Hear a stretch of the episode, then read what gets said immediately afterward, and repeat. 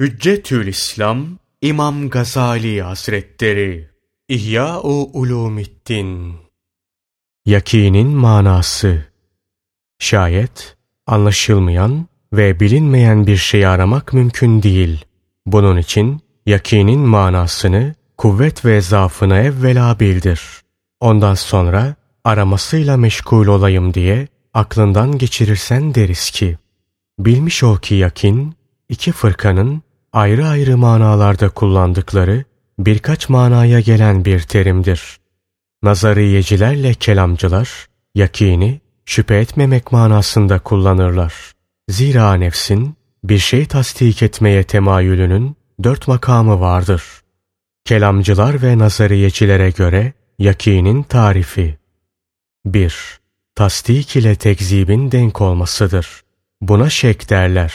Mesela hallerine vakıf olmadığın bir adamın azap görüp görmeyeceği senden sorulduğunda hiçbir tarafına hüküm veremeyeceğin gibi senin için azap görmesi de görmemesi de mümkündür. Tercih sebebi olmadığı için buna şek denir. 2. Her ikisini de mümkün görmekle beraber nefsinin bir tarafa meyletmesidir. Mesela her haliyle iyi tanıdığın bir insan için bu adam bu haliyle ölürse azap görür mü diye senden sorulduğunda kendisinde salih fiiller görüldüğü için nefsin daha çok o adamın azap görenlerden olmayacağına meyleder. Bununla beraber bilirsin ki gizli bir hatasından dolayı azap görme ihtimali de vardır. Senin bu düşüncen azap görmeyeceği düşüncenle denktir. Fakat onu tercih etmeni önlemez. Buna da zan derler. 3. Hatrına aksi gelmemek ve gelse de kabul etmemek üzere insanın bir şeyi tasdike meyletmesi ve tasdik tarafının nefse üstün gelmesidir. Fakat bu kanaati kesin bir bilgiye dayanmaz. Zira bu makamın sahibi şek ve zan cihetlerinden etraflıca düşünürse zan cihetine meyleder ve onu kabul eder. İşte buna da yakine yakın itikat denir. Yalnız dinlemek suretiyle kafalarında yerleşen şer'i hükümlerdeki avamın itikatı böyledir. Bu itikat kendilerinde o derece yerleşir ki her mezhep mensupları mezheplerinin doğruluğuna ve imamlarının hakikati bulduğuna kati surette inanırlar. Ve eğer bir tanesine imamının hata etmesi mümkündür denilse asla kabul etmez. 4. Kendisinde şüphe olmayan ve şüphe edilmeyecek şekilde sağlam delille elde edilen hakiki marifettir. Şüphe ve şüphe imkanı karışmayan itikada, kelam alimleri ve nazariyecilere göre yakin adı verilir. Bunun misali, aklı başında olan bir kimseye bu varlıklar arasında kadim olan var mıdır dendiği zaman hemen bunu reddeder ve kabul edemez. Çünkü kadim gözle görülmez. Zira gözle görülen güneş ve ay gibi değildir. Kadim ve ezeli olan bir şeyin varlığını bilmek, iki sayısının bir sayısından çok olduğunu bilmek gibi zaruri, yani hiç delil aramadan ilk nazarda bilinenler gibi değil, belki sonradan icat edilen bir şeyin kendi başına olamayacağını bilmek gibi de değildir. Çünkü bu da zaruridir. Yani her akıl sahibi sonradan meydana gelen şeyin kendi başına olamayacağını ve bunun bir mucidi olduğunu delile lüzum göstermeden hemen anlar. Birdenbire bir kadimin varlığını kabul etmekte aklın tereddütü tabiidir. Bundan sonra bu kadimin varlığını bir kısım insanlar kitaplarda okur, ağızlardan dinler, kati bir şekilde kabul eder ve inancında devam ederler. Bu inanış avamın inanışıdır. İnsanlardan bazıları da delille kadimi bulur. Şöyle ki eğer mevcut bir kadim olmasa bütün varlıkların hadis yani sonradan var olması lazım gelir. Eğer bunu böyle kabul edersek ya bütün mevcudatın hepsi veya bazısı sebepsiz hadis olmak lazım gelir ki bu imkansızdır. Yani böyle şey olamaz. İmkansıza giden her şey imkansızdır. O halde aklın bir kadimi kabul etmesi zaruridir. Zira bu meselede üç seçenek üzerinde düşünülebilir. 1. Mevcudatın hepsi kadim. 2. Hepsi hadis. 3. Bazısı kadim, bazısı hadis. Eğer hepsi kadim dersen, bir kadim nesnenin mevcut olduğu sabit olur. Çünkü kadim vardır. Fakat bazısının hadis olduğunu yok olmasından anlıyoruz ki bu dava çürüktür. Eğer hepsi hadis dersen bir nesnenin sebepsiz meydana gelmesi demektir ki bu imkansızdır. O halde ya üçüncü veya birinci seçenek sabit olur. Bu şekilde elde edilen bilgiye yakin derler.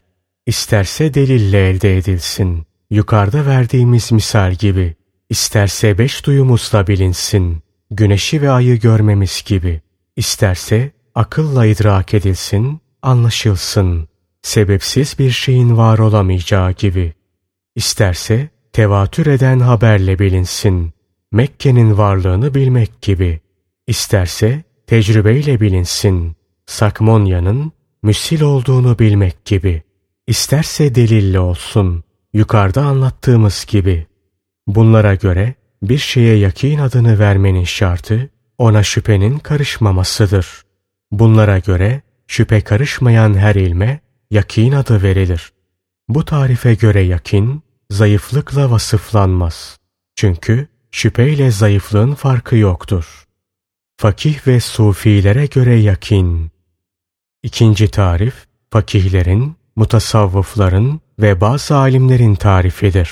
Bunlara göre yakinde, yukarıda anlatılan zan ve şüpheye asla irtifat edilemez. Belki ancak akıl üzerine istila ve galip gelmesine bakılır. Hatta bunlara göre vukuu muhakkak olan ölümde bile falancanın ölüme yakini zayıftır. Haddi zatında verilmemesi de mümkün görülen rızkın verileceğine falancanın yakini kuvvetlidir denebilir. Yani yakin kuvvet ve zayıflıkla vasıflanır. Ne zaman ki gönlü bir şeyi tasdike meyleder ve bu meyil diğer cephelere atarak kalbinde kuvvetlenir ve kalbi tamamen kuşatırsa işte o zaman yakin adını alır. Şüphe yok ki ölümün mutlaka geleceğine ve bunda asla şek olmadığına insanlar hemfikirdir. Fakat kimi ona iltifat etmez, onun için hazırlanmaz. Sanki buna inanmamış gibi olur. Kiminin de bu inancı kalbini sarar. Bütün gayretini ölüm için hazırlanmaya bağlar ve başka şeylere zaman ayırmaz. İşte buna da kuvvetli yakin adı verilir. Bu sebepten bazı arifler kendisinde yakin bulunmayan şüpheye, kendisinde şüphe olmayan yakinlerden en çok benzeyen ölümdür dediler. Yani vukuu muhakkak ve mutlak olan ölüm için insanların hazırlanmaması onu şüpheli gibi gösteriyor ve şüpheli olan şeylere benzetiyor. İşte bu tarife göre yakin, zayıflık ve kuvvet vasıflanabiliyor. Biz, ahiret alimlerinin nişanı, yakinlerini kuvvetlendirmeye gayret etmeleridir dediğimizde, evvela şekki atıp, sonra kalbi kaplayıp, kalbi iyice hakimiyetine alan bir yakin elde etmek manasını kastediyoruz. Bu izahı anladıktan sonra, yakin, kuvvet zayıflık, çokluk azlık, gizlilik aşikarlık bakımından üçe ayrılır dediğimiz zaman, kuvvet ve zayıflık bakımından ayrılması, mutasavvıfların tarifi üzere olup, bu vasıflandırma, kalbe üstün gelme ve kalbi tamamen kaplama bakımındandır. Bu manada, yakinin kuvvet ve zayıflığı sonsuzdur ve insanların ölüm için hazırlanmaktaki ayrılıkları, yakinin bu manadaki farklı oluşundan meydana gelir. Ama birinci tarife göre yakinin gizlilik ve aşikarelik bakımından farkı inkar edilemez. Şimdi birinci tarifin ikinci makamı olan zannın kendisine arız olması bakımından ortaya çıkan gizlilik ve aşikareliği yine tasavvuf tarifine göre inkar edilemez. Birinci tarifin üçüncü makamına göre şüphenin izalesi bakımından da gizlilik ve açıklığın inkarına yol yoktur. Çünkü iki tarafı da tevatüre dayandığı ve hiçbirinde şüphe etmediğin halde Mekke ile Fedek'in Hazreti Musa aleyhisselam ile Yuşa'nın varlığı arasındaki ilminde fark bulur ve birincileri daha aşikar bilirsin.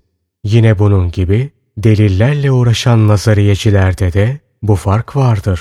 Şüpheyi kaldırmakta ikisi de bir olmakla beraber bir delille ispat ettiği, birkaç delille ispat ettiği kadar aşikare değildir. Bu böyle olmakla beraber ilmi kitap ve işitmekle elde eden bazı kelamcılar aradaki farkı düşünmek için nefsine başvurmadan bunu inkara kalkışırlar. Azlık ve çoklukla ayrılığa gelince bu da yakin ile alakalı şeylerin çokluğu ve azlığı iledir. Mesela falan adam falancadan daha alimdir. Yani ilmi daha çoktur denildiği gibi bunun için yani ilmi çok olduğu için bazı alimlerin şer'i hükümlerin hepsinde yakini daha kuvvetli, bir kısmının da bazı hükümlerde yakini daha kuvvetli olur.